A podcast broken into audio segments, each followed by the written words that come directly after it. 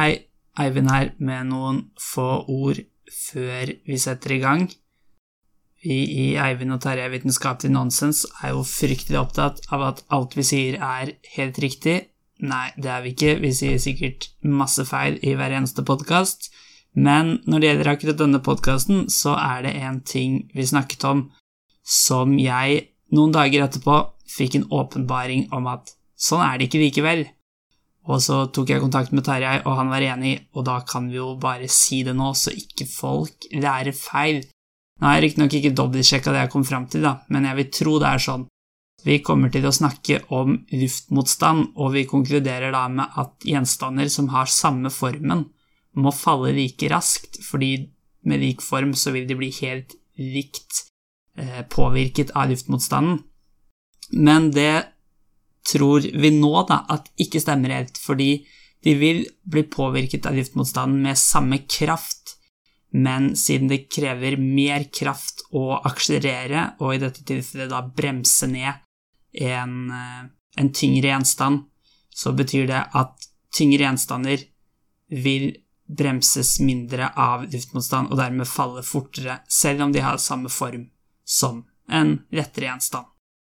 Så det gir kanskje ikke så mye mening når dere ikke vet kontekst, men når dere kommer over dette i dagens podkast, så kan dere bare tenke nei, nei, nei, alt dette er feil. Og så vil jeg bare si at ingen tarjeier ble skadet under innspillingen av denne episoden. Og så en kommentar til nå etter at jeg er ferdig å redigere. For jeg vil beklage for at det er litt dårlig lydkvalitet, spesielt på begynnelsen av dagens episode. Jeg tenker det er litt sånn det skal være òg, når det er en av de første podkastene våre. Sånn at uh, i fremtiden, si at vi har lagd veldig mange podkaster, så kan man høre tilbake og tenke oi, det har faktisk blitt litt bedre med tiden. Var ikke så god kvalitet helt, helt i begynnelsen. Hvis vi hadde hatt for god lydkvalitet nå, så hadde det blitt så vanskelig å forbedre podkastene senere.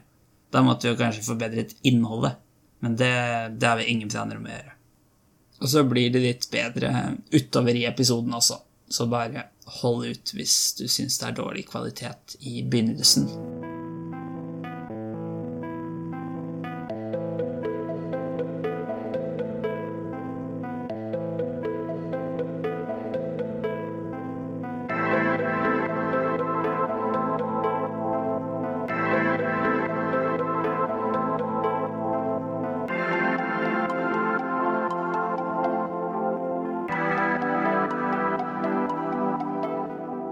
Velkommen til Vitenskapelig nonsens. Som lovet i forrige episode, så skal Tarjei hoppe fallskjerm i dag.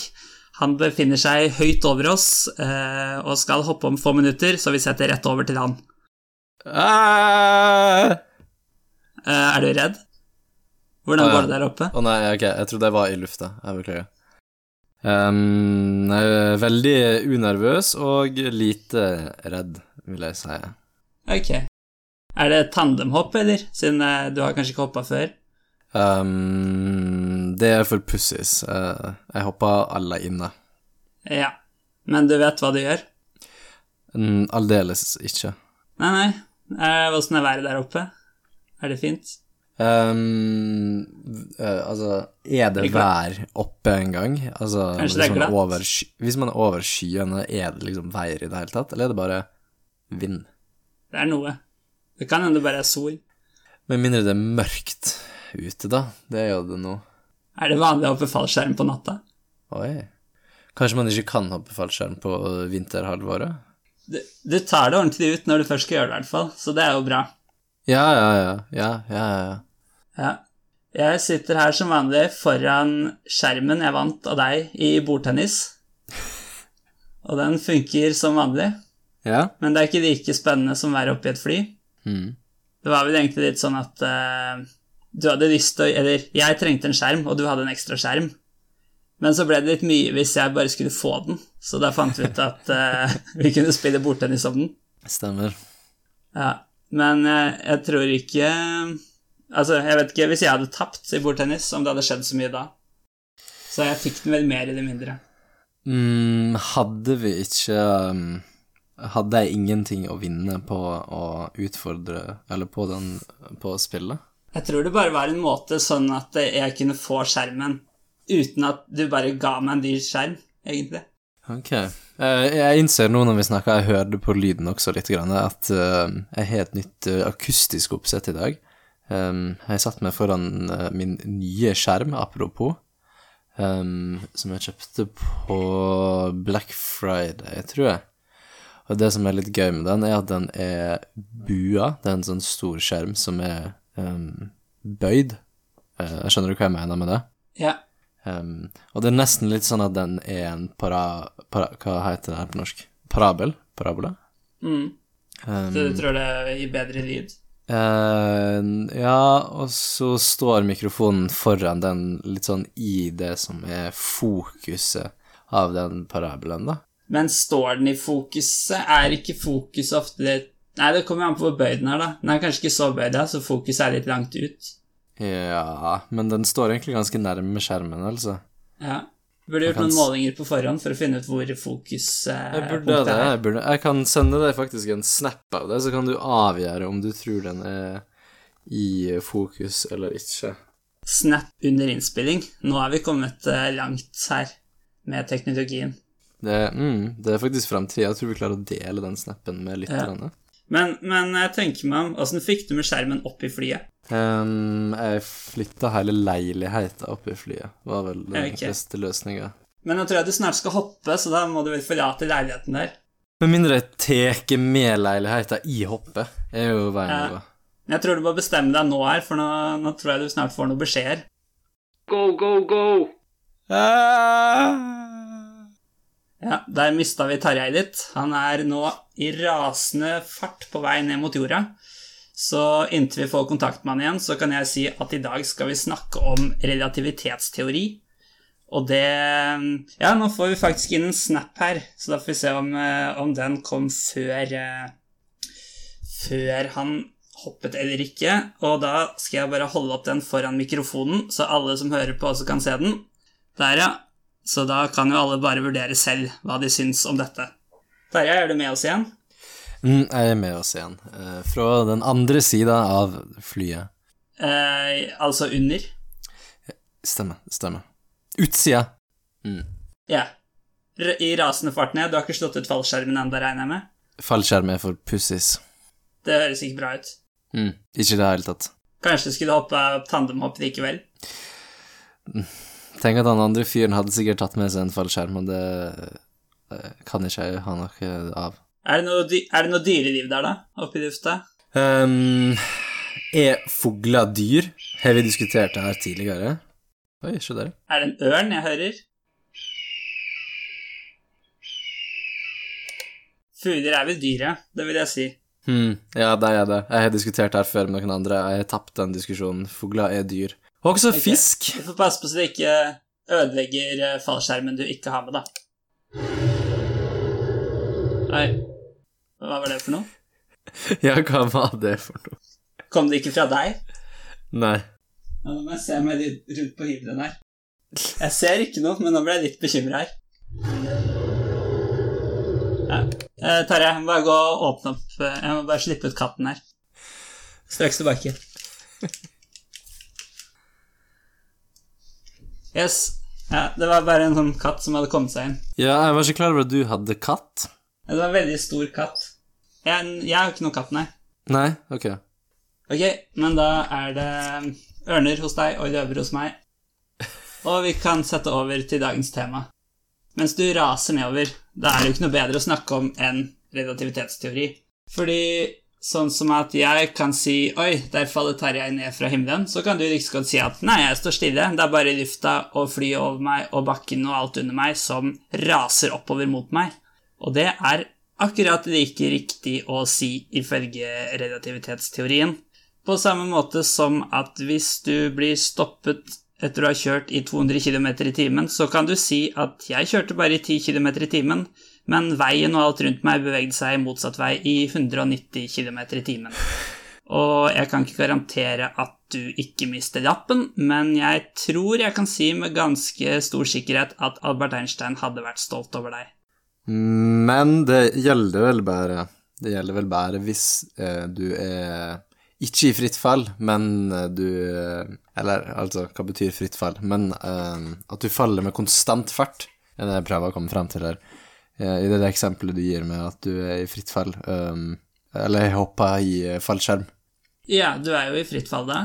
Jo, ok, så du er i fritt fall, da, men jeg mener at relativitetsteorien som du beskriver, at du kan uh, se på det som fra forskjellige referanserammer, gjelder bare hvis du um, holder konstant fart, det er bra å komme frem til, at du ikke blir akselerert Nedover. Du beveger deg altfor fort fram. Du har jo snakka om alt vi skal snakke om hele dag allerede. Ja, vi har, som er, vi har to typer relativitetsteori som vi skal komme tilbake til. Spesiell og generell. Eh, og i den spesielle så krever man at man ikke er påvirket av eh, noen form for akselerasjon, men i den generelle, der er alt lov. Å, ok, det var jeg ikke klar over. Den generelle er alt lov. Men kan du mye om relativitetsteori, Tarjei? Um, ikke overveldende. Nei. Eh, ikke jeg heller. Og jeg tror også det er litt jeg tror jeg forstår, som jeg egentlig ikke gjør det hvis jeg tenker nok på det. Mm. Så dette, dette kan bli interessant, og vi kommer sikkert til å si masse feil og sånn, men vi skal prøve. Jeg har uh, hatt litt om dette i fysikk på videregående, og så har jeg lest meg opp litt nå før denne podkasten, men uh, Du har lest deg opp? ja, det vil jeg si. Det går jo mot alt vi tror på på denne podkasten her. Å ikke forberede seg. Helt riktig. Altså, for å avsløre en liten sånn spesialeffekt da, som kommer til å bryte eh, en skikkelig illusjon og være et sjokk for jeg vil tippe i hvert fall over 90% av lytterne, i den stand vi har mer enn ti lyttere og kan dele opp i så finkornede grupper, så har jeg faktisk på forhånd til denne podkasten forberedt meg med å finne både en ørnelyd og en løvelyd på YouTube. Mm. Ja, jeg ble sjokkert over det. Så jeg beklager, det var ikke noe løve her. Jeg kan avbryte det. Men Tarjei hopper fallskjerm. Det, det, det stemmer. Det er viktig å si. Ja, Du må ikke bli for opptatt med, med å snakke, så du ikke glemmer å løse ut fallskjermen, som du ikke har. Mm. Men var du eneste som hoppa? Hvis ikke, kanskje du kan fly bort til noen andre som har fallskjerm, og henge deg på dem. Ah, det høres ut som nok fra en James Bond-film. Er det noe som funka i virkeligheten? Eh, Det funker vel for en Tarjei Bond. Jeg tror ikke, en Bond, jeg tror, jeg tror ikke Bond er en tittel. Er ikke det etternavnet hans? Jo, men det har jo blitt en slags eh, Det er mer enn et navn. Mm. Det har faktisk det, altså. Akkurat som våre navn er blitt nå. Eivind og Tarjei. Da tenker alle på vitenskapelig nonsens. Lærte du noe nytt når du forberedte deg til, uh, til podkasten? Var det noe Ja. du ikke hadde Ja, vil du Og jeg lærte noe som ikke hadde noe med relativitetsteori å gjøre. Og det var, ikke for, det var i forbindelse med podkasten. Det var når jeg lagde logo til podkasten. Ja. Og det jeg lærte, er at hvis du syns det er kjedelig å si Eivind og Tarjei, da kan du bare si Tarjeivind. Har du tenkt på det? Jeg har ikke tenkt på det. Eh, på, på hva måte er det det samme? Eh, fordi det inneholder begge navnene våre. Det er ikke det samme, men eh, det er en forkortet måte å si navnene våre på.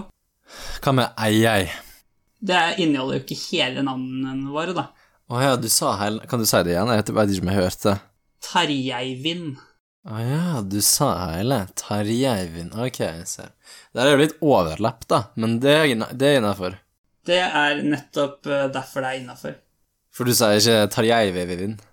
Men det hadde ikke vært noe å si. Da, da hadde jo ikke gjeldt for alle navn. ok, ok. Da kunne jeg liksom godt sagt Eivind Tarjei. Stemmer. Og det, det tror jeg ikke er podkastmateriell. Kanskje for oss, men eh, ikke. Hvordan, hvordan oppdaga du det her? Fordi jeg lagde logoen, og hvis man eh, ser på logoen, så forhåpentligvis eh, er, er tilgjengelig når man hører på podkasten, Mm. så ser man at det er nesten et slags kryssord. Og det betyr at eh, det ble litt fokus på bokstavene, hvis du skjønner hva jeg mener. Ja, Så, så sånn skjedde det. spennende. Men skal vi snakke om noe mer relativt enn denne absolutte kunnskapen? Ja, hva var det du lærte eh, om relativitetsteori mens du leste det opp eh, og juksa? Ja, eh, jeg lærte vel egentlig ikke så mye, fordi jeg er mer oppfrisket kunnskap som var delvis borte. Man kan kanskje si man lærer da. Mm, slags form for læring, Ja, men jeg veit ikke om jeg er overbevist. Om at jeg kan noe som helst. Ja, Nei. stemmer. Eh, det første jeg lærte, det var jo da at det var to typer relativitetsteori. Men det lærte jeg egentlig ikke, for akkurat det husket jeg. Det er da den spesielle og den generelle. Den spesielle går ut Den virker kun når noe ikke akselererer, mens den generelle virker også i der det er akselerasjon. Men eh, la oss først snakke litt om noe annet jeg fant ut, nemlig hvordan dette begynte. Og hvem var det som fant på relativitetsteorien? I hvert fall ble kjent for den. Fant på eller oppdaga? Det det var vel mer et tankeeksperiment Mm. Som, som hm, førte til den første ideen. I hvert fall den, han som er eh, kjent for dette, da. Hva heter han, Tarjei? Eh, Det var Albert Einstein. Det er helt riktig, og du har ett poeng i dagens quiz, som Yes! inneholder ett spørsmål. Og det er en veldig av bra. én! Å, Det er veldig bra. Dette er faktisk en ny rekord på podkasten. 100% Det er en veldig stor brøk som ikke er større enn én. Og det Einstein eh, Jeg så en video, så jeg har ikke kun lest meg opp, men ifølge denne videoen jeg så, som var antagelig øverste treff på YouTube når jeg søkte på relativitetsteori Som i hvert fall Kanskje var noen over, men da var de for lange, for denne var ikke så veldig lang. Eh, der sa de at eh, når Einstein tok eh, toget eller trikken eller noe sånt hjem fra, fra jobben en dag, Hmm. så så han på en eh, sånn svær klokke. Eh, Hmm. Hva heter det? Klokketårn? Ok, ja. Ja. Og så tenkte han på at hvis han kjører vekk fra det klokketårnet i lysets hastighet, Hmm. da vil det se ut som tiden står stille, for da vil det være det samme lyset som hele tiden er ved øynene hans, Hmm. som da er eldre og eldre, men det ser ut som tiden står stille. Men bortsett fra, vil ikke det vil ikke liksom bruke opp det lyset som han reiser ved siden av i lyshastighet? hastighet? Eh, hvis du beveger deg i 99,999 av lysets hastighet, så vil det se som det så vil den stå omtrent stille. Men vil ikke det da også være veldig mørkt? Fordi det får så lite lys av gangen. Det er det jeg tenker. Men det er jo noe annet vi kommer fram til, da, nemlig det at lyshastigheten eh, oppleves eller oppfattes lik uavhengig av din hastighet. Uavhengig av Som betyr at det vil fortsatt, ja. lyset vil fortsatt komme i samme hastighet. Ja. Eh, ja, ok, så det ville ikke eh, se mørkt ut, nei. Ok. Mm, ja. Mm. Fordi det jeg da senere fant på Wikipedia Det er Vi begynner litt med den spesielle relativitetsteorien, for det er den enkleste. Det vil si at den forutsetter at det ikke er noen akselerasjon i referansesystemet, som da er det du måler ting i forhold til. Så på jorda er det jo da naturlig å måle Vi tenker liksom på selve jorda som et referansesystem. Mm. Og når vi beveger oss, så sier vi at vi beveger oss, ikke at jorda beveger seg motsatt. eh, som egentlig er like riktig. Eh, og så stemmer ikke dette helt for jorda, i og med at det er gravitasjon her, som vil si at det er et akselerert system. Mm. Mm. Eh, så derfor må vi egentlig bruke den generelle relativitetsteorien, men sånn omtrent så virker den spesielle til å forklare. Men den spesielle relativitetsteorien er bygget på to postulater. Ganske spennende. Okay. Et postulat er en påstand som man ikke gidder å bevise. Enkelt fortalt, man bare sier 'sånn er det'. Um, det høres ut som et aksiom. Eh, er det det samme? Ja, ja en antagelse. Mm. Eh, Det er i hvert fall sånn cirka det samme. Jeg er ikke helt sikker på om det er noe forskjell. Men eh, det første postulatet heter relativitetsprinsippet. Det må jo være aktuelt her. Og det går ut på at det er umulig å bestemme et legemets absolutte hastighet. Mm. Det vil si hastigheten i forhold til tomt rom. Mm. Kan du Kan jeg beskrive det som at det går ikke an å si hva som er en slags ekte nullfart, eller en ekte stillestå... Skjønner du hva jeg mener med det? Yeah. Um, der er ingen som er viktigere eller mer rett. Uh, ja.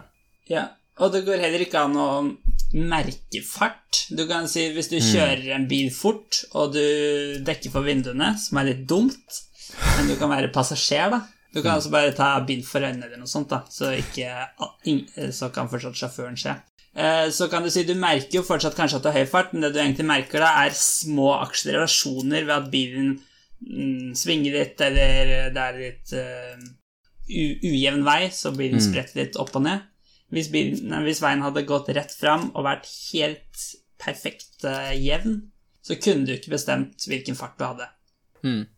Litt som at eh, når du er i et fly, så merker du også at det beveger seg litt, men det føles ikke som du beveger deg i mange hundre kilometer i timen. Nei, Som du sant. var for få minutter siden, Tarjei. Um, og fortsatt er. Nei, nå er du på vei ned. Å ja, stemmer. Ja, riktig. Ja, fort å glemme det. Jeg ser den. Det, det andre postulatet, det er lyshastighetspostulatet, som går ut på at lyshastigheten i tomt rom er den samme målt av enhver observatør, uavhengig av farten til lyskilden. Det vil si at når du nå faller fort ned mot jorda, og jeg sitter her rolig nede på jorda, så vil vi likevel observere at lyset beveger seg i den samme hastigheten i forhold til oss. Ja. Og det gjelder helt uavhengig av hvilken fart du har. Selv når vi snakker om hvis du får 99% av lysets hastighet, så vil fortsatt lyset faktisk ha den samme hastigheten i forhold til deg. Som er veldig rart, egentlig. Ikke sant, for jeg kjøper jo det første postulatet umiddelbart. Det er relativit... Hva kalte du det? Relativitetens postulat.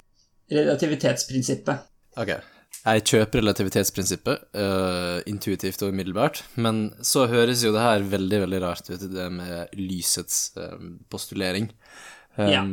Men når du tenker på det litt til, så, så gir jo det fullstendig mening, for hvis relativitetens postulat stemmer, hvordan kan ikke uh, lyspostulatet stemme? Du må, hvis Ja. det ikke er en ekte nullfart, hvordan kan du da si at du på en måte når 90% av lyshastighet uten at det likevel oppleves som at du står stille og lyset beveger seg ved lyshastighet forbi deg. Um, som får meg til å tenke, hvordan er det to postulat? Det her høres ut som det andre følger det første. Ja. Um, de henger jo sammen. Jeg vet ikke om du kunne sagt at én stemte uten det andre. Mm. Det Det er det nok mange som har tenkt på. Eller jeg, jeg mener at jeg føler du, det andre kan du argumentere for hvis du eh, postulerer det første. Jeg føler ikke du trenger å postulere begge, med mindre jeg misforsto det andre. Nei, at det ville vært veldig rart ja, hvis ehm, Når du ikke har Du har ikke et referansesystem for Mm. posisjon, da, egentlig. Ja, som er sant? Absolutt, så du kan ikke si at Det er eh. Ja, det henger jo litt sammen, da. At uh, Du kan ikke si at en ting faktisk står stille. Mm. Og det er jo det, hvis lysets hastighet skulle oppført seg sånn som vi opplever andre hastigheter, at alt er eh, Ja. eh, Hva skal man si At hvis du kjører en bil i 40 km i timen, og det kjører en annen bil forbi deg i 80, så virker det på deg bare som den kjører i 40. Mm. Eh, og det er også hvis, hvis dere to krasjer, så er det den forskjellen i fart som bestemmer hvor eh, mye krefter som er i sving og sånt. Hmm. Hvis det var sånn med lyset òg, at du kunne nærme deg lysets hastighet, og dermed lyset gikk saktere i forhold til deg, mm. så måtte man jo hatt et slikt referansesystem der man sa at Et uh, autorativt nullsystem, ja. Mm, jeg skjønner Ja. veldig godt.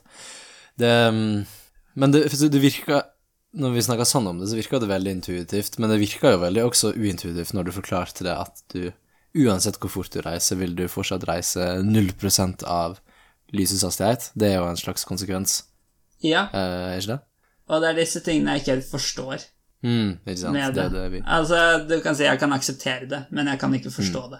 Ja, og det er jo det vi må, fordi det er eh, postulat, så er det ikke noe vits egentlig at vi diskuterer hvorvidt det er intuitivt eller ikke. Vi må bare anta at de stemmer, og så tar vi det derifra. Ja. Er ikke det en måte å tenke på det? Jo, det er jo egentlig det. At eh, vi klarer ikke å bevise dette, men hvis det er sånn, da må alt dette andre også stemme. Mm. Og gjerne da at mye tyder på at det er sånn, da. Man, mm. altså, man kan jo bare finne på et postulat for moro skyld og tenke hvordan hadde da ting blitt. Men det er jo gjerne ting som, i hvert fall disse kjente fysiske teoriene, så består gjerne da av postulater som man kanskje tror er sånn, eller det gir mening, men som man ikke har tydelige observasjoner eller matematiske bevis for. Mm. Direkte, i hvert fall. Ka- Kanskje man kan ha litt observasjoner, men i hvert fall ikke bevis. Så hva er konsekvensene av disse postulatene, da? Ja, det er jo det morsomme, da, for det er egentlig to ting som er eh, veldig spennende, som kommer ut av relativitetsteorien. Det ene heter time dilation, som altså er at tiden ikke oppfattes likt eh, avhengig av farten din. Vi kommer tilbake til det. Og det andre er length contraction, som er at lengder blir presset sammen når man reiser i en høy hastighet. Det snakket vi så vidt om i en tidligere episode om universet. Mm. Så la oss da se litt på hver av disse. Vi kan begynne med Bare for å avklare, snakka vi nå om eh, For du sa disse postulatene. Jeg husker ikke om du sa at disse gjelder for den spesielle eller for den generelle relativitetsteorien. Ja. Eh, godt spørsmål. ja, for det var ikke det, det gjelder vel egentlig u uansett. Ok, men hva er det vi Vi- tar for oss først? Vi kan godt se, Det er rett å se på den eh, spesielle, men det er mye generelt, så jeg tror ikke det er så viktig. Ok. Eh, men jeg forstår ikke dette godt nok til å kunne svare på sånne spørsmål. Hva tror du? Um, jeg tror vi har ikke tatt akselerasjon i betraktning ennå, så kanskje det betyr at det er den spesielle vi diskuterer. Ja. Ok. Så det at tiden går saktere, hva, hva betyr det? Det det egentlig betyr, er at hvis du beveger deg i høy hastighet, så går tiden saktere Det er saktere? Tror, ja, Mm. det er saktere. Enn hvis du står stille. Ja. Okay, Og, og så hvorfor Ja. Ja, det kan jo man lure på hvorfor. Men for å være litt vanskelig, da, hvordan Sier du, si du sitter stille på en asteroide og chiller'n, og et romskip passerer i stor hastighet, så sier du at tida på det romskipet vil gå saktere enn for deg som sitter på asteroiden. ja. Men så sa jo du nettopp at, eh, at eh, det er relativt, at de på romskipet kan like godt påstå at de beveger seg ikke i det hele tatt, står stille, og at det er du på asteroide som beveger seg forbi i andre retning i tilsvarende stor hastighet. Vil ikke da du- tida stå stille går saktere for deg på asteroiden enn på romskipet? fra dems perspektiv Riktig. Tarjei, du har gått i den berømte fella. Tvillingparadokset. Ok. Eh, og for å forklare tvillingparadokset, så foreslår jeg at vi først forklarer den generelle relativitetsteorien også. Mm. Eh, så vi kommer tilbake til det. Men foreløpig så glemmer vi litt det og bare tenker på at i, forhold, i ett av referansesystemene, da, så vil jo en bevege seg. Mm. Og en måte å forklare at det må være sånn på, at tiden må gå saktere Det er litt vanskelig å forklare muntlig, eh, men hvis man har noe som heter en fotonklokke, kan man kalle det, det vil si at eh, et foton, altså lys, går fram og tilbake mellom to kall plater eller noe sånt, som registrerer hver gang lyset treffer, og da får du på en måte en slags timer da, som kan måle tiden. Men poenget er at dette lyset det beveger seg jo med samme hastighet uavhengig av hvilket referansesystem du er i. Uavhengig om du beveger deg eller ikke. Mm. Men si at, uh, si at du har en sånn klokke på armen når du beveger deg Når du nå faller ned mot jorda. Ja. Og du holder den klokka på sånn måte at disse to platene, vi kan kalle det blir stående loddrett. Det betyr at lyset som går mellom dem, går vannrett. Ja. Samtidig faller du nedover, sett fra mitt referansesystem. Mm. Som betyr at det lys, den banen lyset egentlig beveger seg, er skrått nedover hver gang, fordi det, det skal gå over til den andre siden, men samtidig faller det sammen med deg, Mm. uh, som betyr at det blir skrått. Ok, la meg prøve å tenke gjennom det her, da. Altså for at lyset da skal holde konstant fart, altså lysets hastighet, så må platene og personen som holder platene, falle fortere. Um, hva mener du med det? Falle fortere? Det må falle fortere. Hva mener jeg med det? Fordi lyset må tilbakelegge den samme distansen på den samme tida, men distansen er blitt lengre, så da må Ja, tida gå fordi når du saktere. velger skrått, så blir jo distansen lenger. Så da må tida gå saktere. Ja, det stemmer. Sett Så ja, du må altså, siden distansen blir lengre, siden du beveger deg skrått i stedet for rett over, mm, men farten skal være det samme, det er jo dette andre postulatet, at lyshastigheten er den samme, Ja. så må tiden gå saktere, sånn at du rekker å komme deg over på samme tiden. Ja. Ganske merkelig, det høres ut som nonsens, men det skal visstnok være vitenskap, da. ja, for nå er vi på vitenskapsdelen, ikke sant?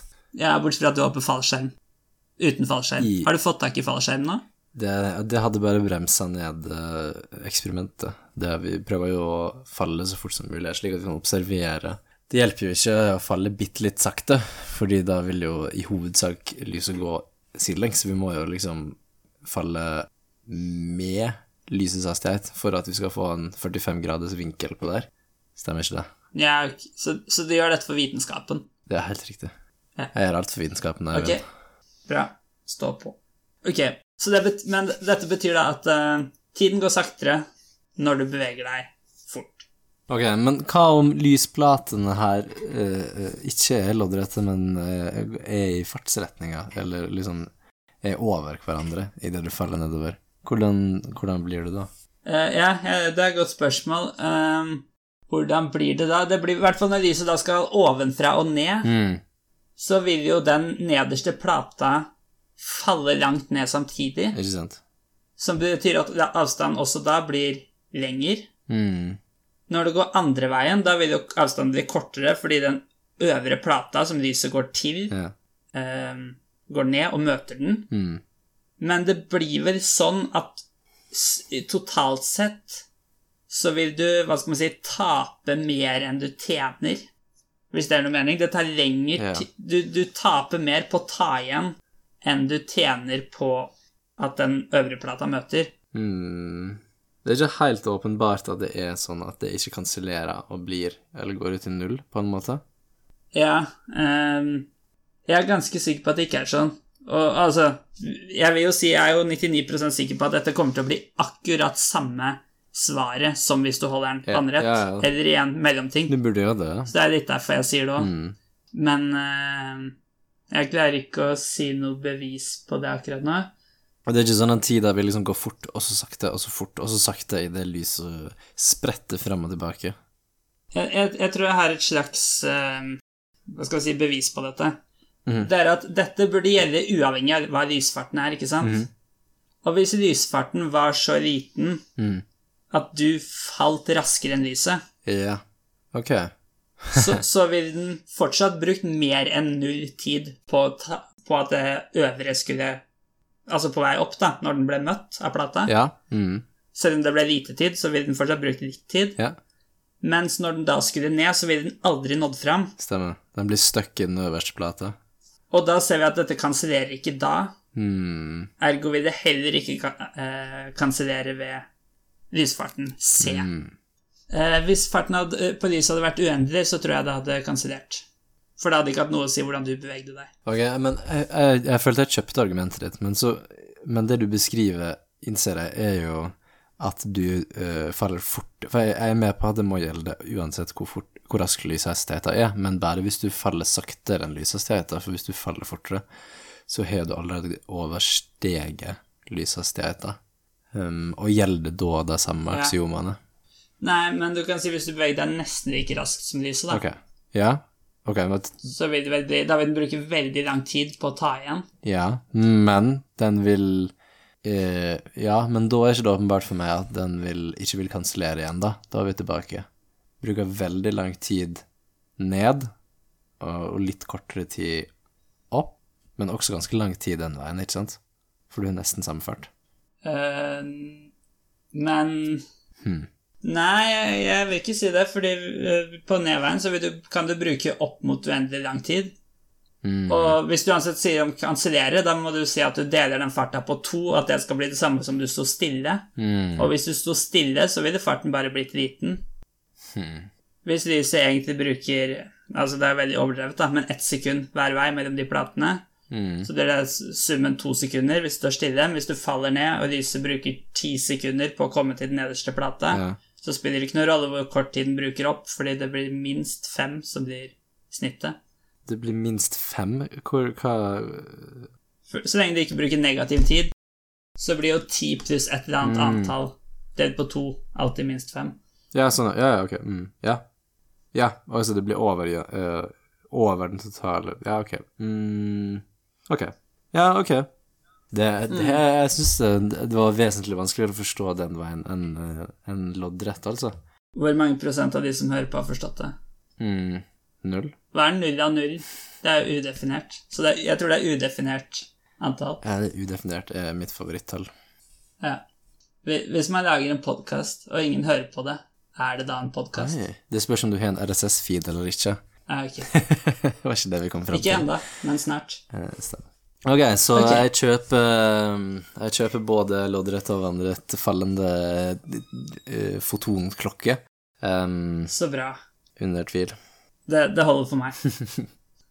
Men så er det det at denne effekten at eh, tiden går saktere, er faktisk ikke nok til at, eh, til at lyset da skal rekke fram og tilbake på, på samme tid, da.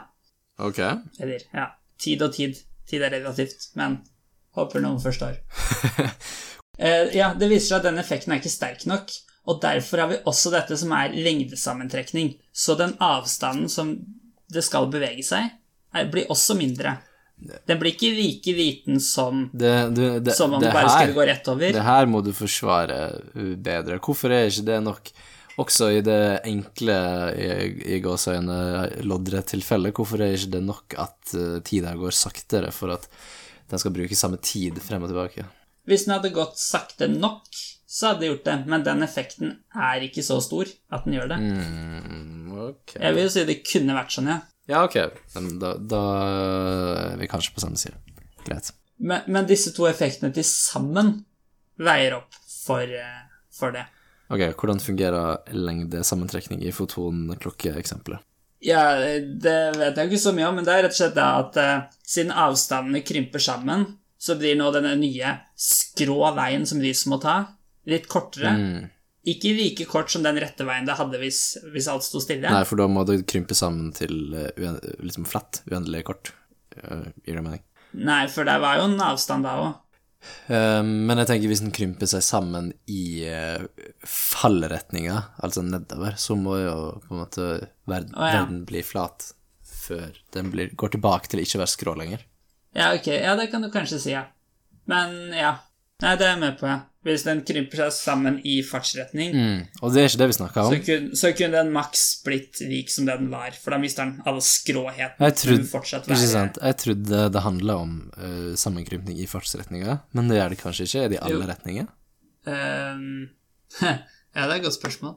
Aner ikke. men, men, vi, men altså, man, man vet i hvert fall at den er ikke like stor som den, den tar ikke vekk all den ekstra avstanden du må vegge deg, den tar vekk en del, og så er det dette med tidsforsinking som er resten. Og til sammen så passer det perfekt. Det er flaks. Hva er sannsynligheten for det, liksom? Vanskelig å regne sannsynlighet på det. Men, men som vi også snakka så vidt om på denne Universet-podkasten, Mm. eh, noen episoder tilbake, så betyr da denne lengdesammentrekningen at eh, det er mulig å reise så langt du vil, egentlig. Du er ikke sånn sett begrensa av lysets hastighet fordi lengdene blir mindre når du beveger deg raskt. Og det gjør også at et foton, altså en lyspartikkel, som beveger seg naturlig nok i lysets hastighet, da er hele universet krympet sammen til et punkt. Når du beveger deg i lysets hastighet, så blir alt et punkt. Så det betyr at et foton vil observere hele universet som samme sted, og vil jo da på en måte være i hele universet samtidig. Mm. Og, og tida vil stå stille. Så det er liksom Tida står stille, og det er overalt samtidig. Eller kanskje ikke overalt, men overalt langs mm, fartsretninga. Eller det spørs jo, da. Uh, at det er sammen, sammenpresset. Det er i hvert fall det jeg tenkte, at, at det opplever det som å være på alle punkt langs Men hvis du Hvis jeg har misforstått og det er i alle retninger det vil bli komprimert, så, så vil jo det være i hele universet samtidig. Ja, Mm. dette har jeg ikke tenkt på før, men det kan godt hende det bare er i fartsretning, og i så fall vil jo da egentlig universet bli et plan, ikke et punkt. Um, ja. Et flatt plan. Mm. Kanskje det I den grad universet er tredimensjonalt. Hva skulle du si? Jeg vil tilbake til uh, tvillingparadokset. Hvorfor uh, går ikke den fartsforskjenkinga og tydeligvis uh, avstandssammentrekninga Hvorfor gjelder ikke den i alle For begge observatører? Det prøver jeg å si. Tarjei, vi har ikke forklart den generelle relativitetsteorien ennå. Holdt vi fortsatt på med det? Nei, vi har ikke begynt! Vi har ikke begynt! Men vi kan ta det nå, uh, siden du er så spent på dette. Den generelle relativitetsteorien gjelder da også i akselererte referansesystemer. Det, Det vil si for eksempel Ja, for eksempel kan du si i en, en heis som begynner å kjøre, og som dermed har en akselerasjon. Mm. Den vil da være et akselerert referansesystem, hvis du ser på den som systemet, og så er det personer inni den som blir påvirket. Eh, Det som er, er at gravitasjon er en litt spesiell type kraft når det kommer til relativitetsteori. Men den fungerer på samme måte som en annen akselerasjon. Det er det som heter ekvivalensprinsippet. At det ikke er noen forskjell på gravitasjon og annen akselerasjon. Og det er fordi det som heter et legemets trege masse og tunge masse er lik. Og sånn hadde det ikke trengt å være sånn, eller tydeligvis, da. Men det hadde egentlig ikke trengt å være sånn.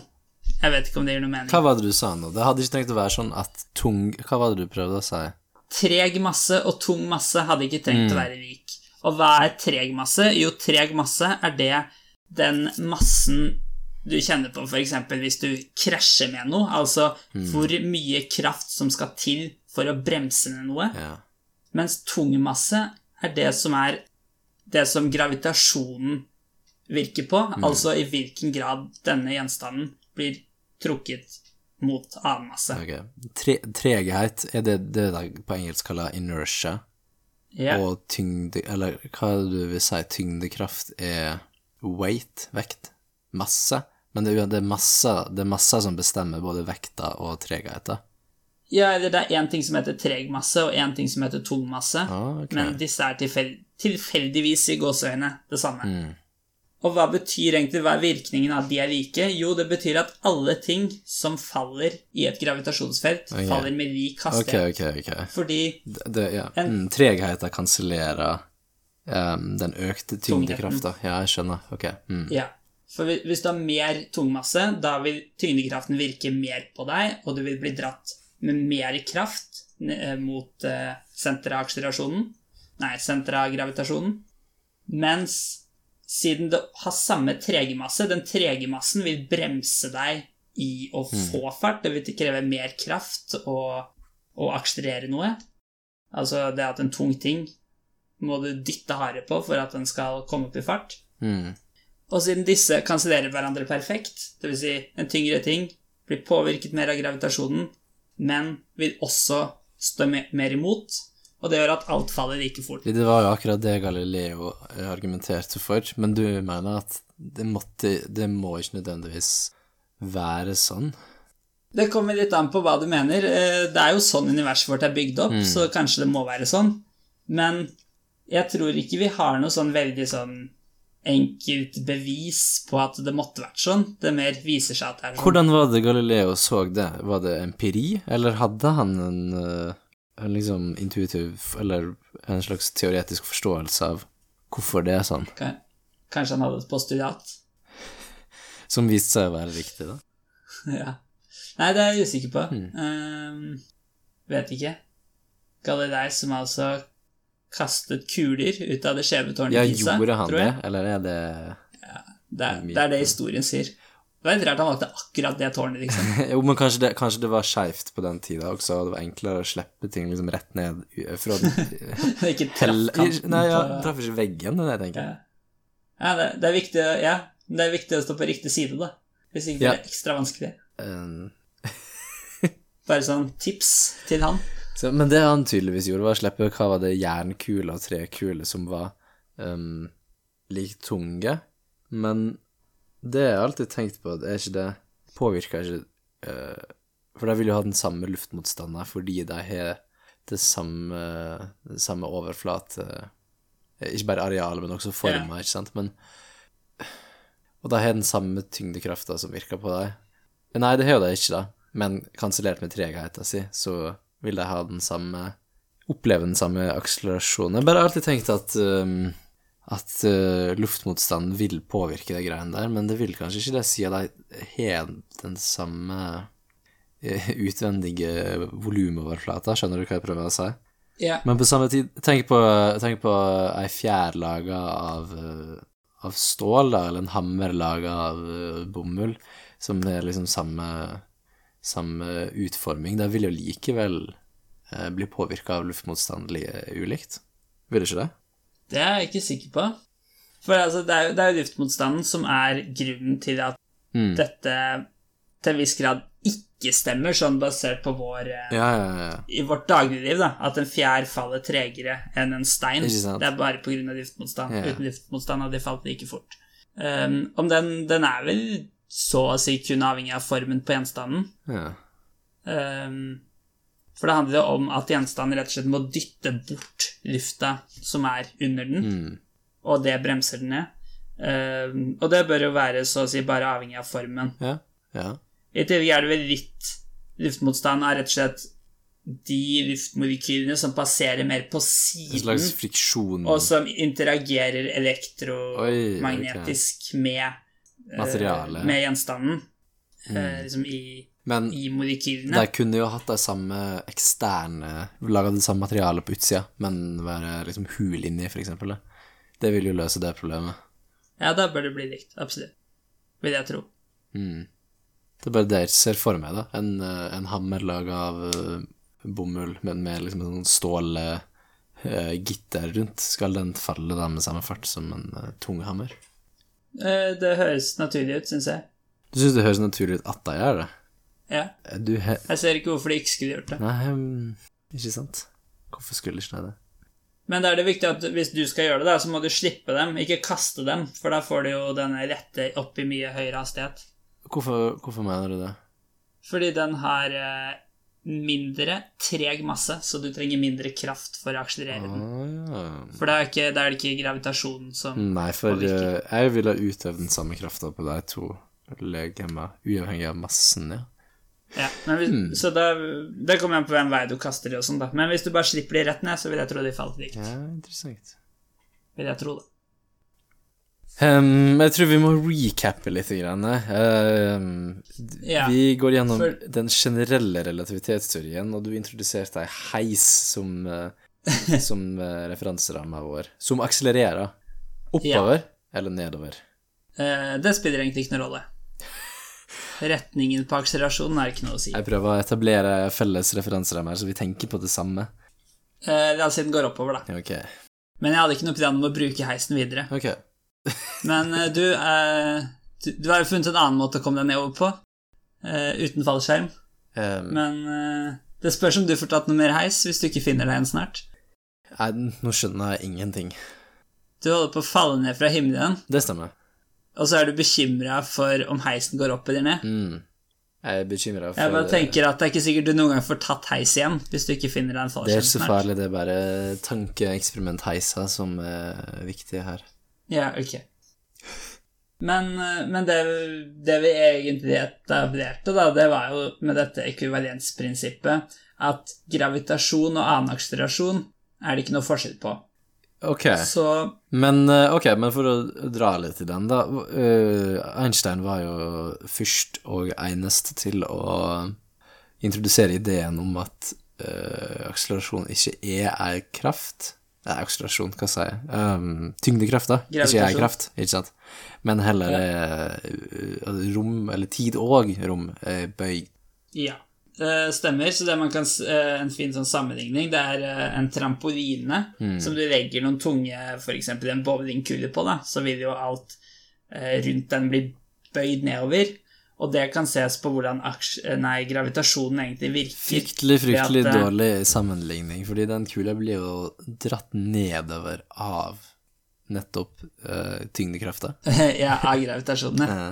Men det er visstnok en ganske god modell på hvordan legemene oppfører seg i gravitasjonen. ja. Mm. Riktignok, her er det da et, en todimensjonal trampoline som blir dratt ned i en tredje dimensjon, Ja. mens i det virkelige universet er det mer et tredimensjonalt rom som blir dratt ned i en fjerde dimensjon. Mm. Um, og det med eksempel et sort hull, som da det, Når ikke noe kan unnslippe, så kan man se på det at det er en gjenstand som er så tung at det hullet som blir krummet ned i, er uendelig dypt. Men det, det er vel ikke uendelig tungt, så hvorfor blir det uendelig dypt? Ehm, litt usikker, men, på, men det er vel bare en fin Det er jo bare en analogi. Mm. Poenget er at lyset ikke kan unnslippe da. fordi for å unnslippe et gravitasjonsfelt så må du ha en viss, en viss fart, Mm. som er kvadratroten av to, altså ca. 1,4 ganger så høy som den banefarten du trenger for å sirkulere rundt Ah. dette, den gjenstanden, gitt at du er i en bestemt avstand fra den. da. Ja, ja. Og hvis denne unnslipningsfarten blir høyere enn lysets hastighet på noe punkt, da kan ikke lyset engang unnslippe, Mm. fordi lyset beveger seg ikke raskt nok. Og derfor er det da et sort hull fordi lyset ikke unnslipper, Betyr og det det oppfattes at- som sort. ja. Og det er det som kalles event horizonen, den eh, på en måte Ja. ytterste sorte Hva skal vi kalle det, silhuetten som, eh, der lyset ikke lenger klarer å eh, rømme. Men Ja. betyr det at du kan eh, Du kan risikere å være fanga i eh, rundt eh, i banen rundt det sorte hullet, også over event horizonen. Hvis du ikke er i stand til å reise fortere enn den banefarta. Ja, ja. Men det blir jo nesten som at mennesker er fanga på jorda fram til de fant opp Ja, det kan noe som beveger seg raskt nok til å komme seg ut. Ok, men det mener jeg da, du, du kan liksom ikke komme i nærheten av et svart hull engang med et romskip, fordi du, da, da må du ha liksom eh, 0,9 C for å slippe unna. Ja, det tror jeg stemmer. Hmm.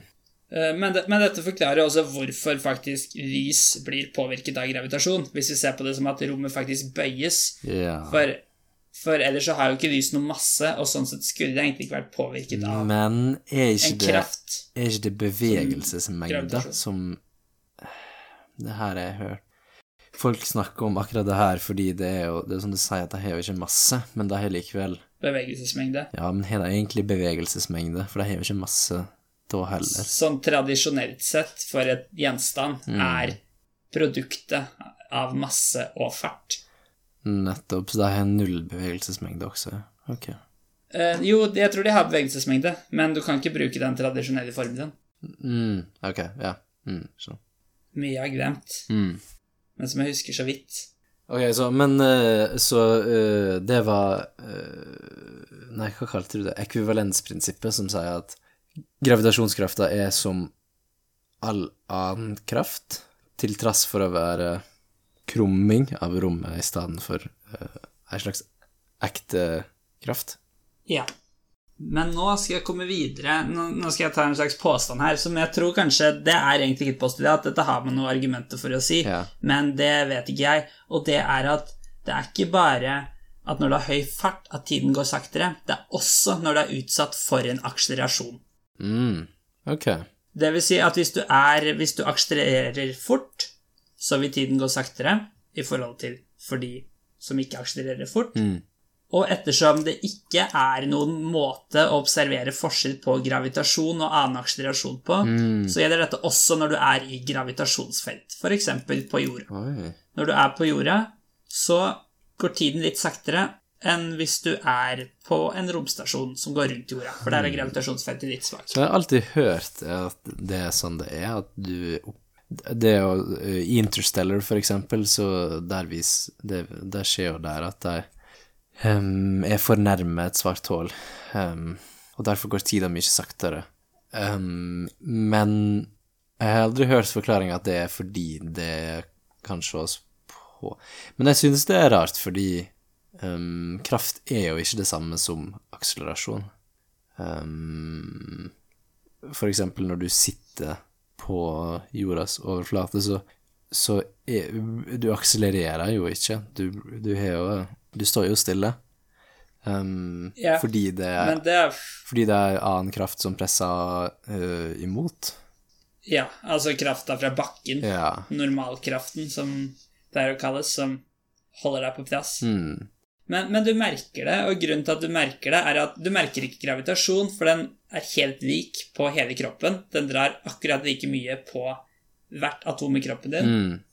Igjen av dette ekvivalensprinsippet, at eh, hvis noe er tyngre, så vil det også bli dratt på litt sterkere. Så det er ikke noe relativ akselerasjon på forskjellige ting i kroppen din Mm. av det. Mm. Men normalkrafta, hvis du står, virker jo bare på beina dine. Ja.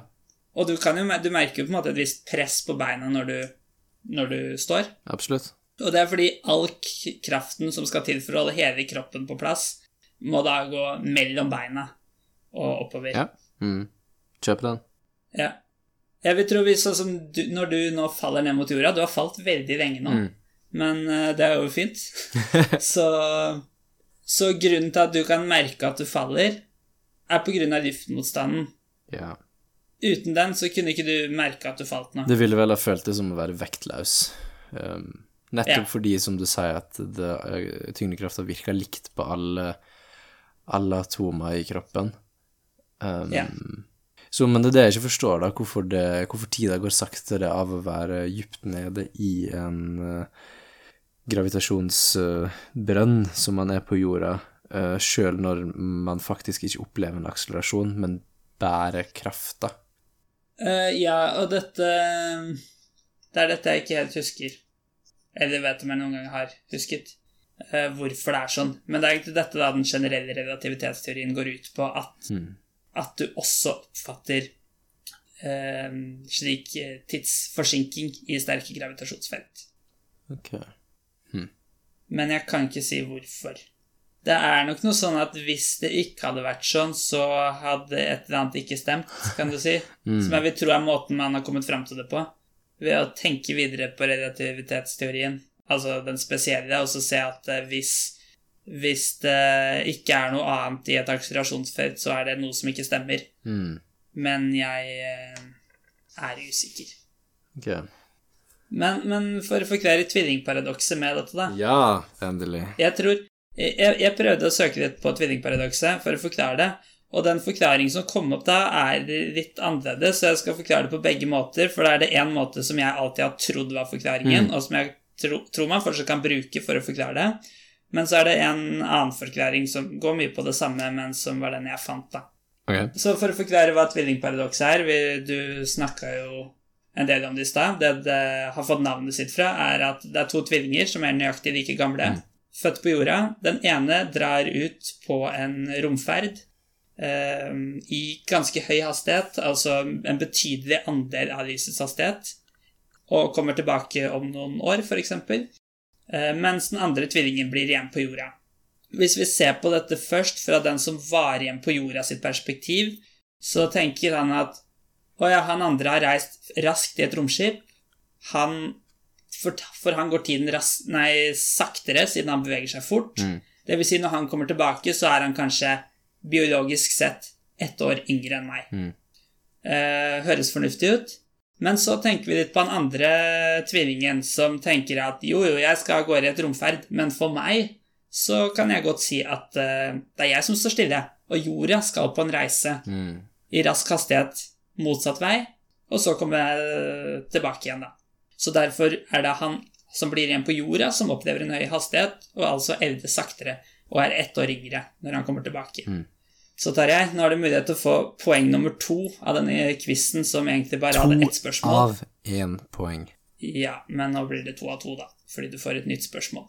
Spørsmålet er hvem er yngst når de samles igjen på jorda? Du har forklart meg det her før, og jeg har uh, lurt på det her før, men nå tror jeg at jeg skjønner det.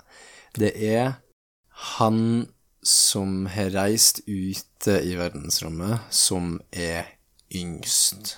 Og grunnen til Riktig. det er at det er han som har opplevd akselerasjon på et eller annet tidspunkt. Han må ha snudd, er vel egentlig poenget.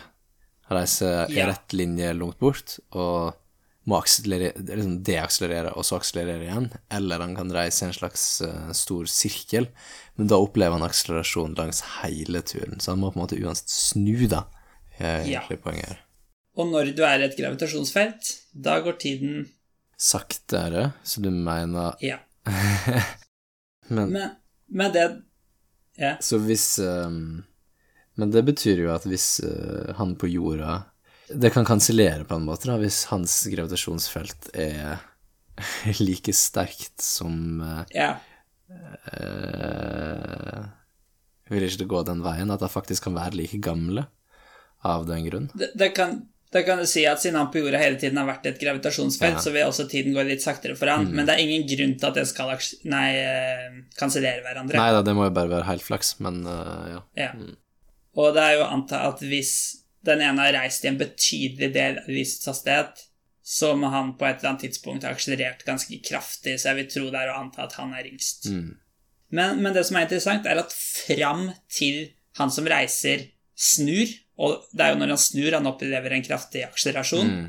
så er begge eldre enn den andre i sitt perspektiv. Perspektiv. Ja, for det var det jeg tenkte på med den eh, romskipet og asteroiden. At hvis de passerer hverandre, og aldri ingen av dem snur, eller aldri møtes igjen, så vil Nei, begge oppleve at tida går saktere for den andre.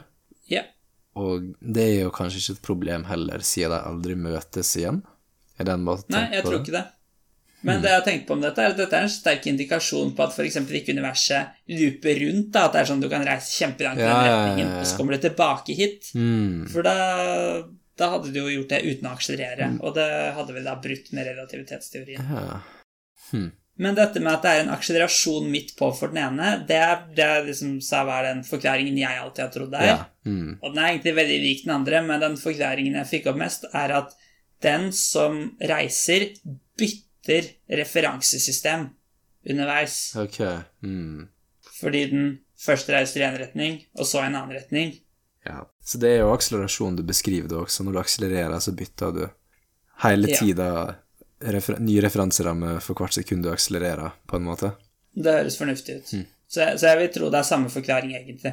Men jeg kan være med på at et av aksiomene her er at uh, akselerasjon fører til um, en tidsdilasjon på samme måte som uh, Eller kanskje i stedet for, til og med, høy fart, som vi har snakka om.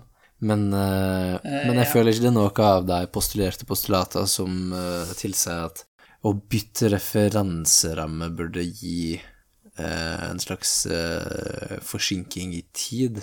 Nei, men er at da gjelder ikke den spesielle relativitetsteorien mer, når du har bytta referanseramme. Ok, mm, ikke sant. Og da må du også ta med dette med akselerasjon, yeah. som jeg ikke kan forklare yeah. hvorfor det er sånn. Nå har vi det, da. Det her er jo hele relativitetsteorien, og vi har skjønt 90% av det. Ja, det er ganske bra. Ingen problem, ja. Et annet, et følge av eh, relativitetsteorien, en liten fun fact, det er at hodet er litt eldre enn beina dine. Det, det er bare fordi du antar at jeg har gått på beina hele livet. Ja, at beina har i snitt vært nærmere jorda, altså i et litt sterkere gravitasjonsfelt. Og dermed har tiden gått litt saktere. Mindre du er en gymnastist Gymnastist? Gymnatiker? Gymnastiker? Gym Tror du det er mer som tilbringer mer tid på hendene enn eh, Eller opp ned, da, enn eh, på beina. Det tror jeg ingen gjør. Her er det vitenskapelig Du kan ikke bare postulere sånne ting. Einstein postulerte jo masse, det har vi lært i dag, så skal ikke jeg få lov å komme med et lite postulat? Det er sant, det. Hva andre ting er det Einstein er kjent for? Jeg veit det greiene med, med Brownian motion som han brukte for å beregne størrelser på atomer. Å ja. Det jeg husker sånn delvis, er at Einstein tok veldig mye feil. Han, er, han hadde rett, eller jeg tror han er rett, på relativitetsteorien, men han gjorde noe store bom både i kvantefysikk og, og noe mer, tror jeg. Ja, Så- det jeg hørte også, at han var veldig Kanskje ikke motstander, men eh, negativ til eh, i alle fall tolkninga av kvantefysikken. Ja, ok. Mhm. Hmm. Det kan vi ta med i en annen podkast. Men jeg føler vi må kunne si tre store ting eh, han gjorde. Det, vi, er, vi er på to nå. Internettquotes. Ja, hvem siterte han alle de internettquotesa til før internett? Det lurer jeg på. Kanskje vi må ikke google det her? Jeg føler det er litt slapt, slapt av oss. Ja. En annen interessant ting med relativitetsteorien, da, det er at samtidighet er relativt. Ja. Og det betyr at det som observeres av som samtidig av én person, ikke nødvendigvis gjør det av en annen. Og da har man annet et litt sånn kjent togtankeeksperiment Mm. som går ut på at eh, et tog passerer en eh, stasjon, og der står det en person og, som er en observatør det står en annen person midt i en vogn i et tog, som da også er en observatør, men disse beveger seg jo i forskjellig hastighet i forhold til hverandre. Mm. Og også der midt i denne togvogna så har man en slags eh, gjenstand eh, som sender ut et lys i hver retning med fartsretningen til toget. Så en beveger seg mot den ene veggen, og den andre mot den andre. Og for personen som er på toget, så vil jo begge eh, endene av vogna være like langt fra personen hele tiden. Mm. Og siden lyshastigheten er den samme uansett referansesystem, så vil lyset da bruke like lang tid til begge veggene. Ja. I mening? Det gir mening. Mens for, mens for personen som står eh, på stasjonen og observerer det, så vil, det også da, så vil da lyset gå av akkurat idet denne personen passerer den andre personen og denne gjenstanden midt i vogna. Mhm. Og så vil lyset da gå i begge retninger. Men siden den bakerste veggen kommer og møter lyset, Mm. mens den forreste veggen går vekk, litt som det vi snakket om som fotonklokke i stad, Ja. så betyr det at for den personen så ser det ut som lyset treffer bakerste veggen litt før Mm. forreste veggen. Ja. Så det, er, det skjedde samtidig for den ene personen, og ikke for den andre. Mm. Og det er ingen av de som er mer riktig enn den andre, da. Det er bare hvilket referansesystem du observerer. Og ingenting av det har noe å si med hvor de er plassert i forhold til hverandre, observatørene. Det eneste som spiller noen rolle, er hva fart de har. Forstår jeg det riktig? Ja. Altså hvilket referansesystem de er i. Ja. Og det er veldig rart. Ja. Det er det. Er det. Jeg vet ikke hvilke praktiske konsekvenser det får. Åh, du, tenk så umulig det er å bestemme ti... Altså det, det Hvis du har en påmeldingsfrist til noe, da, hvordan kan du si hvem som eh, meldte seg på først? Ja, det er kanskje sant. Hm. Kan du ikke si sånn det ble oppfattet i mitt referansesystem, da? Ja, hvem, hvem er det som er Hvem sitt referansesystem? Hvis to personer prøver å melde seg på, og de er i forskjellige referansesystem? Ja, dommeren, da. Altså den som I dommeren sitt referansesystem? ansvarlige. Ja, ja, ja. Ehm, Mm. Men det som er med alle disse tingene, er jo at de, de blir jo først betydelige ved høy hastighet. Det gjelder litt selv ved lave hastigheter, men det er helt umerkbart. Så i dagliglivet har det Jo, ingenting å si. men eh, jeg lurer på om det Jeg har hørt at mm, det kan eh, Du kan Eksempel hvis du tenker på avstanden til Mars, da, det er jo ikke helt utenkelig at det det på et tidspunkt lever mennesker på Mars. Um, Mm. Uh, og helt urelatert, eller uavhengig av uh, fart eller fartsdifferansen, bare på grunn av avstanden, så er det ikke mulig å um, det, det, er- det er liksom du sier, det er relativitet i tida. Um, fordi vi det er så stor avstand mellom oss, og den er nok sånn som 15 minutter, eller uh, der omkring. Ja, på det verste. Ja, det, vi, ja, det er på det mot hver sin side av solen. Nei da, Det er sikkert stor forskjell, det. ja. Så, men poenget er at da er jo det umulig å si om noe har skjedd, eller, eller om det på en måte skjedde før en annen hendelse, hvis de to tinga skjer innenfor et kvarter av hverandre, da. Eh, ja. Og det virker jo som kan ha ganske store konsekvenser for en del ting. Ikke minst bare å liksom Hva dag er det? Eller liksom å holde tid. Uh, en slags kalender virker veldig vanskelig å forholde seg til. Det blir jo en forsinkelse, men det vil vel ikke være noe vanskelig å finne ut når det skjedde i ettertid. Det vil jo bare være at du får informasjon forsinket. Jo, det er det jeg mener. Det, det er ikke det som er poenget, at, at det tar lyshastighet for informasjon å forflytte seg mellom planetene, men at det er en relativitet i tida som er øh, 15 minutter stor, da.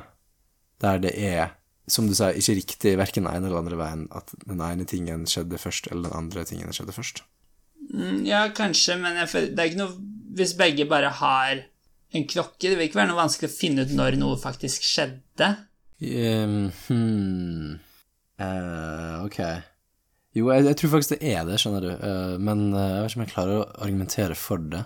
Hva om du Hvordan synker du opp de klokkene, da? Det er umulig å synke deg opp med mindre du har klokkene ved siden av hverandre. Um, ja, det kan det kanskje være. Og, men du synker deg opp ved siden av hverandre, og så flytter du den ene til Mars. Da må jo den akselereres for å flyttes dit, så den må, den må liksom gjennom en slags um, referanserammebytte. Eller oppleve Jo, men dette kunne de jo beregnet, da. Ja, Og tatt hensyn til. det er Det kan du si.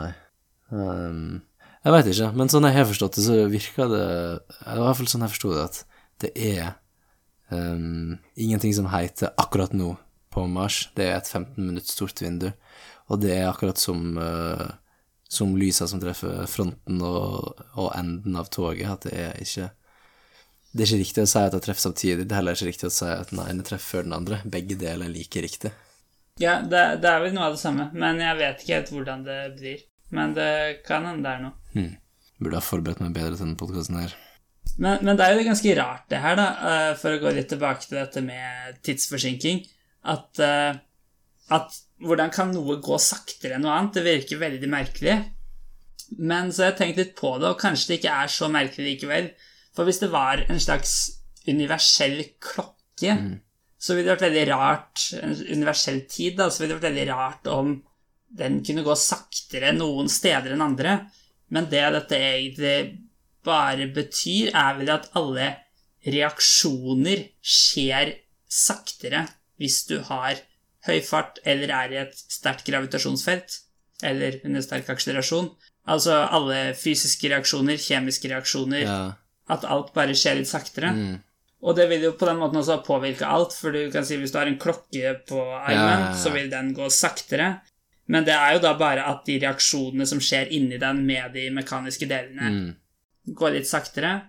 Det samme med at kroppen eldes saktere, det er jo bare at alle de biologiske og kjemiske Eh, prosessene og reaksjonene går litt saktere. Og siden dette skjer med alt, så vil du jo ikke merke det heller, Nei. for du vil tenke litt saktere og, og alt sånn. Så sånn sett er det kanskje ikke så rart. Ja, det er, vel, det er vel helt sentralt, som du sier, at alt oppleves saktere, og derfor merker ingen eller ingenting at noe er annerledes. Det, de som er inne i referanseramma, merker jo ikke noe av verken at ting går fortere eller saktere. Nei. Mm.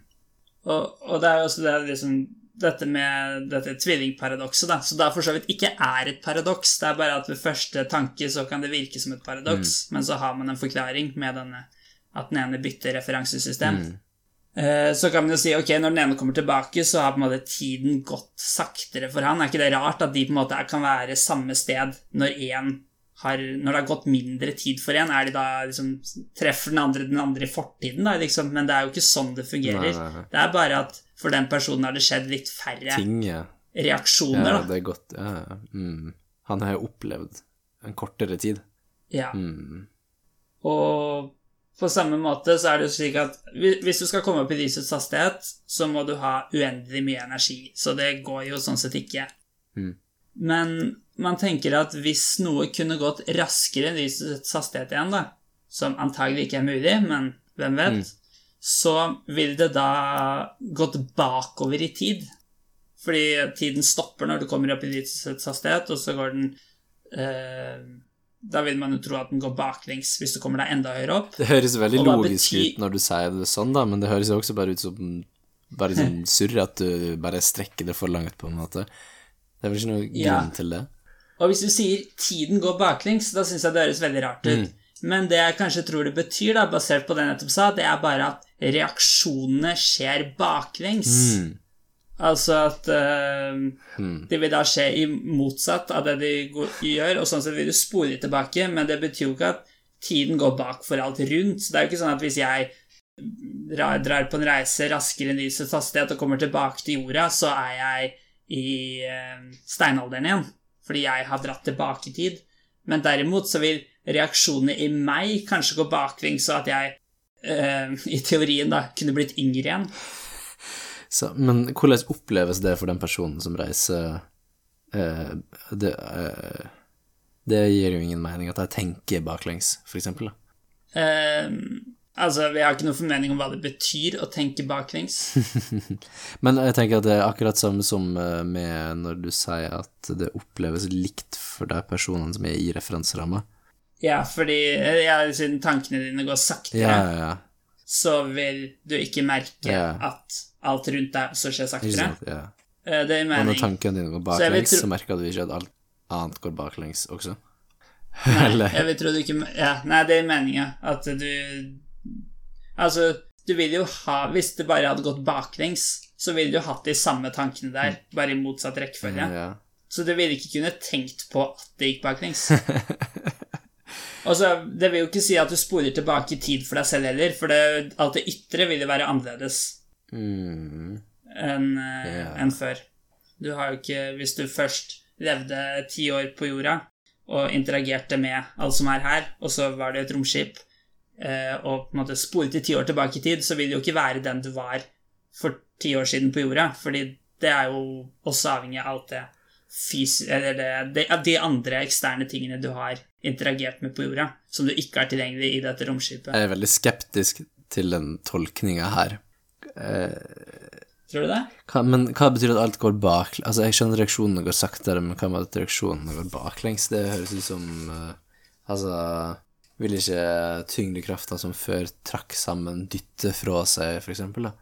Ehm, så går hele romskipet i oppløsning eh, fordi Eller det Altså, tyngde, tyngdekraften er veldig tricky, i og med at det kanskje ikke er en kraft okay, engang. dårlig eksempel, da, men det er tre andre fundamentale kreftene, da.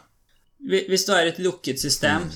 som du først lar bevege seg i vanlig, Mm. kan du si, så vil det jo skje noen reaksjoner i det rommet. Mm.